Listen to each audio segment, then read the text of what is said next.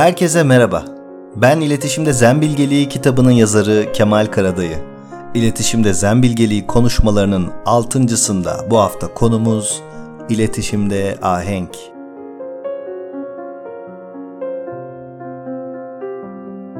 Dünyanın her yerinde iyi bir hayatı tanımlamak istediğinde insanların üzerinde uzlaştığı unsurların başında ahenk geliyor.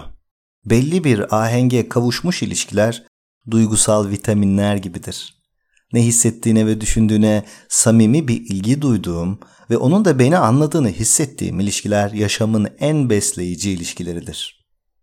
Ahenk içine girmiş kişiler iç içe giren bir konuşmayı birbirlerinin sözünü bile kesmeden yapabilirler. Bir müzik ya da bir dans gibi. Duyguları, düşünceleri aynı dalga boyunu paylaşır, bedenleri ve solukları birlikte titreşir bir başkasıyla hoş, samimi ve pürüzsüz bir iletişim kurduğumuzda ahengin varlığını fark ederiz ve bu o kısa anların ötesinde anlamlar taşır.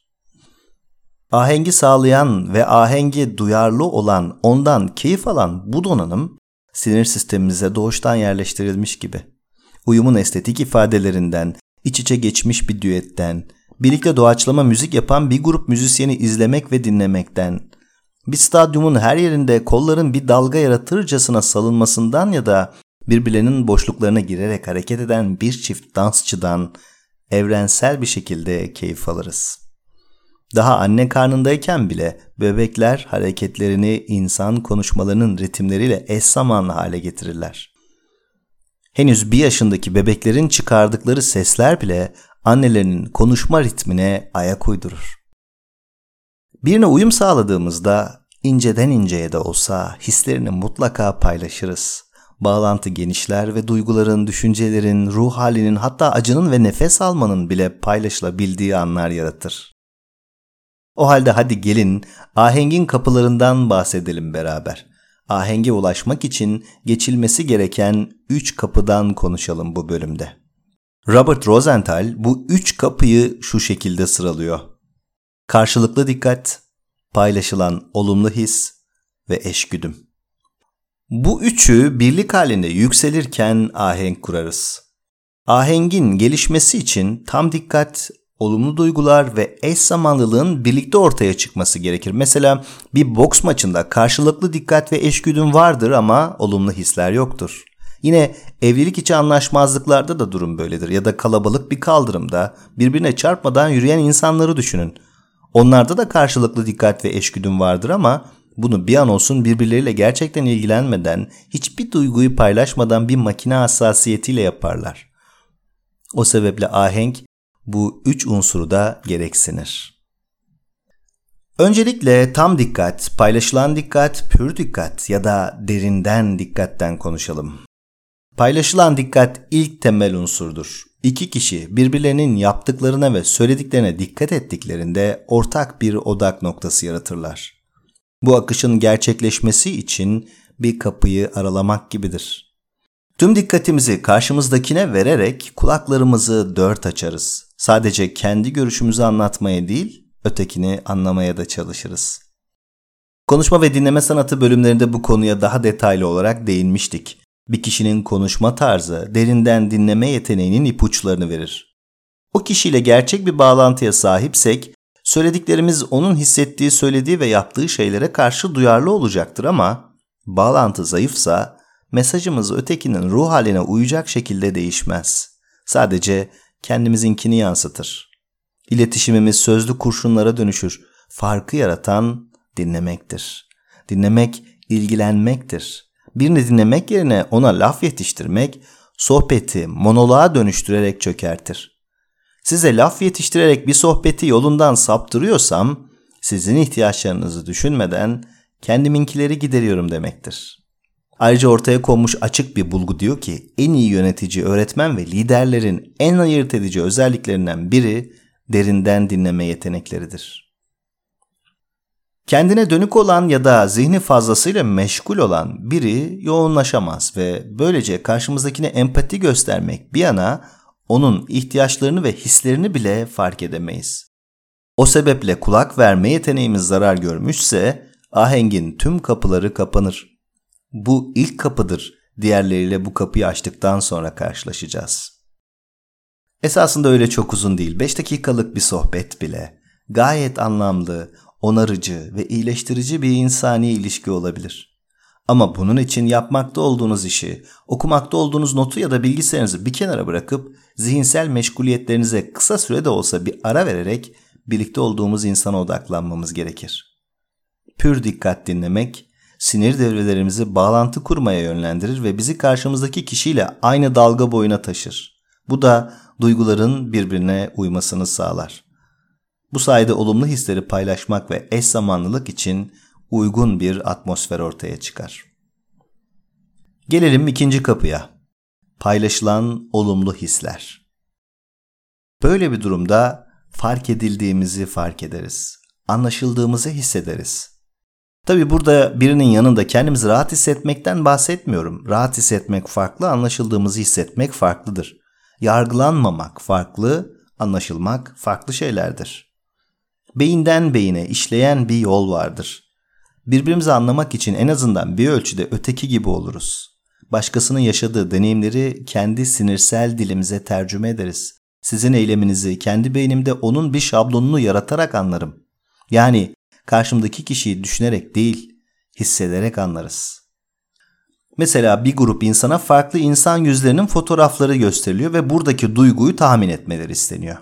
Bazı insanlar statik bir yüz ifadesiyle fotoğraflara bakarken bazıları da gördükleri fotoğraftaki insanın yüz ifadesini kısa süreliğine de olsa kendi yüzlerine yansıtıyorlardı ve tabii bu ikinci grup tahminlerinde çok daha başarılıydılar. Sinir bilimcilerin empatik rezonans diye adlandırdıkları bu birbirini yankılama hali beyinden beyne bir bağlantıdır.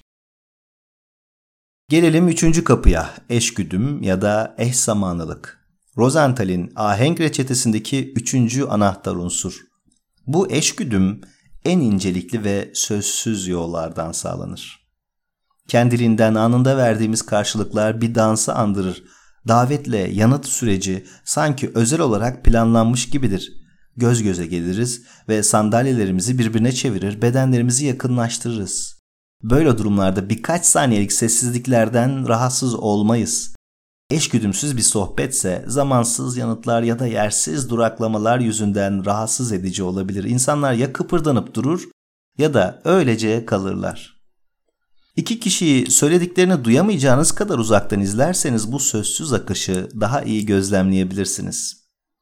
Bir oyunculuk eğitmeni öğrencilerine filmleri zaman zaman sessiz bir şekilde izleyerek bu akışı izleme çalışması verirmiş. Ki bence de çok güzel bir çalışma. Bir psikolog ve danışanı arasındaki görüşme ne kadar başarılı oluyorsa fizyolojileri de o kadar uyum gösteriyor. Birbirleriyle sözsüz bir uyuma giriyorlar. Biri bacağını diğerinin üzerine atınca öteki de aynısını yapıyor. Biri çenesini sıvazlayınca diğeri de çenesinin ucuna dokunuyor. Mesela bir sınıfta öğrencilerin duruşları öğretmenlerine ne kadar benziyorsa derse katılımları o kadar çok oluyor ve bu durum sınıftaki uyumun ve genel havanın açık bir işaretini sunuyor. Bir konuşma samimi bir şekilde birbiriyle ilgilenen kişiler arasında duyguların ve düşüncelerin paylaşıldığı bir hal aldığında soluk alışverişleri bile belli bir rezonansa sahip oluyor. Bütün bu eş zamanlılık anlayışın ve anlaşmanın bilinç dışı bir mesajını aktarır. New York Üniversitesi'nde bir grup öğrenci bir psikolojik teste katılırlar. Daha doğrusu onlar öyle olduğunu zannederken bir oyuncu bir dizi fotoğraf hakkında onlarla sohbet etmeye başlar. Oyuncu kendisine verilen talimat uyarınca gülümsüyor, ayağını sallıyor ya da yüzünü sıvazlıyordu ve öğrenciler de onunla aynı şeyleri yapma eğilimleri sergilediler. Sonradan kendilerine sorulduğunda bunun farkında bile değillerdi. Aynı deneyin ikinci bölümünde bu kez oyuncu öğrenciler ne yapıyorsa aynısını yapmaya başladı. Öğrencilerse beden ya da el kol hareketleri taklit edildiğinde bundan hoşlanmadılar. Oysa temel olarak ilk aşamada ortaya çıkandan bir farkı yoktu bunun ama doğal hissetmediler ve uzaklaştılar. Yani ahenk taklit edilebilir bir şey değil. İnsanların olumlu hisleri ne kadar artarsa bu eş zamanlılıkları da o kadar artar. İnip kalkan kaşlar, hızlı el hareketleri, geçici yüz ifadeleri, sözcüklerin temposundaki zekice ayarlamalar, bakış kaymaları, ve benzeri şeylerin dansında bu duygusal düeti görebilirsiniz. Doğa iyi zamanlamayı sever. Herhangi iki şey aynı dalgada titreştiğinde bilim daima eş zamanlılıklar bulur. Eş zamanlı olan dalgalar birlikte kuvvetlenirler ama öyle olmadıklarında birbirlerinin gücünü kırarlar. Birisiyle birlikte yürürken bunu fark edebilirsiniz. Birkaç dakika içinde ikinizin de elleri ve bacakları uyum içinde hareket etmeye başlar. Daniel Goleman bir kitabında bir arkadaşının çıktığı erkekle sokakta uygun adım yürüyemiyorsa ileride sorun çıkacağını anladığını söylüyor. Biz bu duygusal eşgüdümü, duygularımızı ifade etmeyi bile öğrenmeden çok daha önce öğreniyoruz. Anne karnındayken ya da özellikle ilk iki yıl annemizle yaptığımız duygusal düetlerle doludur. Bebeğin aldığı ve verdiği işaretler uyumlu ise sevinir, eğlenir ya da sakinleşir ama değilse huzursuzlanır. Bu ahenk bedenlerimizin birlikte hareket etmesini, düşüncelerin aynı yolları izlemesini, duyguların aynı doğrultuda akmasını sağlar. Bunun en çarpıcı örneklerinden biri de şudur. 10 yıllardır birlikte yaşayan mutlu çiftlerin yüzlerinin birbirine benzediğini fark ederiz. Geçen bölümde de kısaca bundan bahsetmiştik. Aralarındaki sürekli ahenk sanki yüzlerinde bir iz bırakır. Yıllar boyu aynı duyguları çağrıştırmanın yüz kaslarına verdiği şekil nedeniyle yüzleri sonuçta birbirine benzer.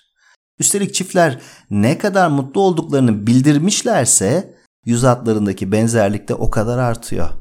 Buna Michelangelo fenomeni diyoruz. Paylaşılan olumlu hislerin miktarı yüzlerimizdeki çizgilere yansır. Ahengin yani gerçekten ve derin bir şekilde bağ kurmanın önündeki engellerin başında ben odaklı olmamız geliyor. Kendi dilimizi kullanıyoruz sıklıkla. Oysa bırakın karşımızdaki kişiye kulak vermeyi, düşüncelerini ortaya koyarken ona yardımcı olmayı bile bir sorumluluk olarak kabul etmek gerekiyor. Çünkü sorumluluk sadece fikri ortaya atana ait değildir. Bu yaklaşım değişikliği çok önemli. Araştırmalar gösteriyor ki depresyonda olan annelerin bebekleri ile olan ahengi son derece zayıf. Uyumları belirgin şekilde az ve bebek de hem bu süreçte sakinleşemediği gibi hem de gelişimi için son derece önemli olan bu duygusal rezonansı da yakalayamıyor. Bu neden böyle sizce? Cevap başka bir soruda yatıyor. Depresyonda olan insanların sizce en çok kullandığı kelime nedir? Ben. Bendir. Beni üzdüler, beni hırpaladılar, benim bir değerim yok. Acı insanın fazlasıyla kendisine odaklanmasına neden olabilir ve bu da başka bir canlıyla ahenge girmesine engel olabilir. Bir diğer engel karşıt hale gelmektir. Farklılıklar, anlaşmazlıklar ve hatta çatışmalar söz konusu olduğunda bile bunu karşıt hale gelmeden yapmak mümkün olabilir diyorum. Ne dersiniz? Newton der ki insanlar köprü kuracakları yerde duvar ördükleri için yalnız kalırlar. Neden duvarlar öreriz? Engellerin ördüğümüz duvarlar olduğunu bildiğimiz halde neden yine de karşımızdaki kişiyi suçlamaya devam ederek duvarlarımızı yeniden güçlendiriyoruz? Tartışmalarda çoğunlukla bir fikir değiş tokuşu değil, bir duygu değiş tokuşu olur. Tartışma uzun sürdükçe duygusal açıdan giderek aslında daha fazla karşımızdakiyle benzer bir duruma doğru sürükleniriz. İlgisizlik ve anlaşılmazlık hissederek giderek daha fazla birbirimizden uzaklaşırız. Birbirimizi bencillikle suçlarken her iki kişinin de aynı anda beklenti içinde olduğunu göremeyecek kadar birbirimizden uzaklaşmış, karşımızdaki kişinin durumuna karşı ilgisiz hale gelmiş oluruz. Bu uzaklaşma hareketi de her adımda kendini doğrular ve şiddeti artar. Bir yandan ahenkle benzerliği kastetmiyoruz. Aynı olanlar uyum sağlayamazlar birbirine çünkü aynıdır onlar. Uyumun ve neticesindeki ahengin bir engeli düşmanlıksa bir diğeri de aynılıktır.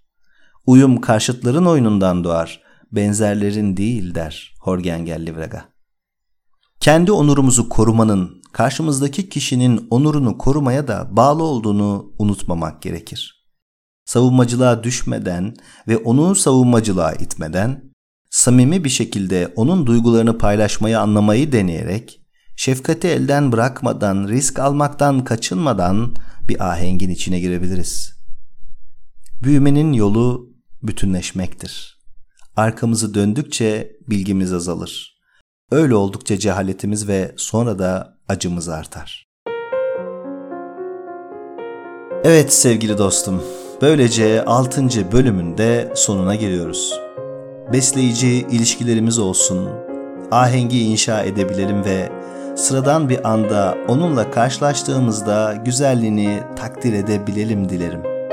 Sonraki bölümde tutsaklığı yenmekte görüşmek üzere. Sevgimle.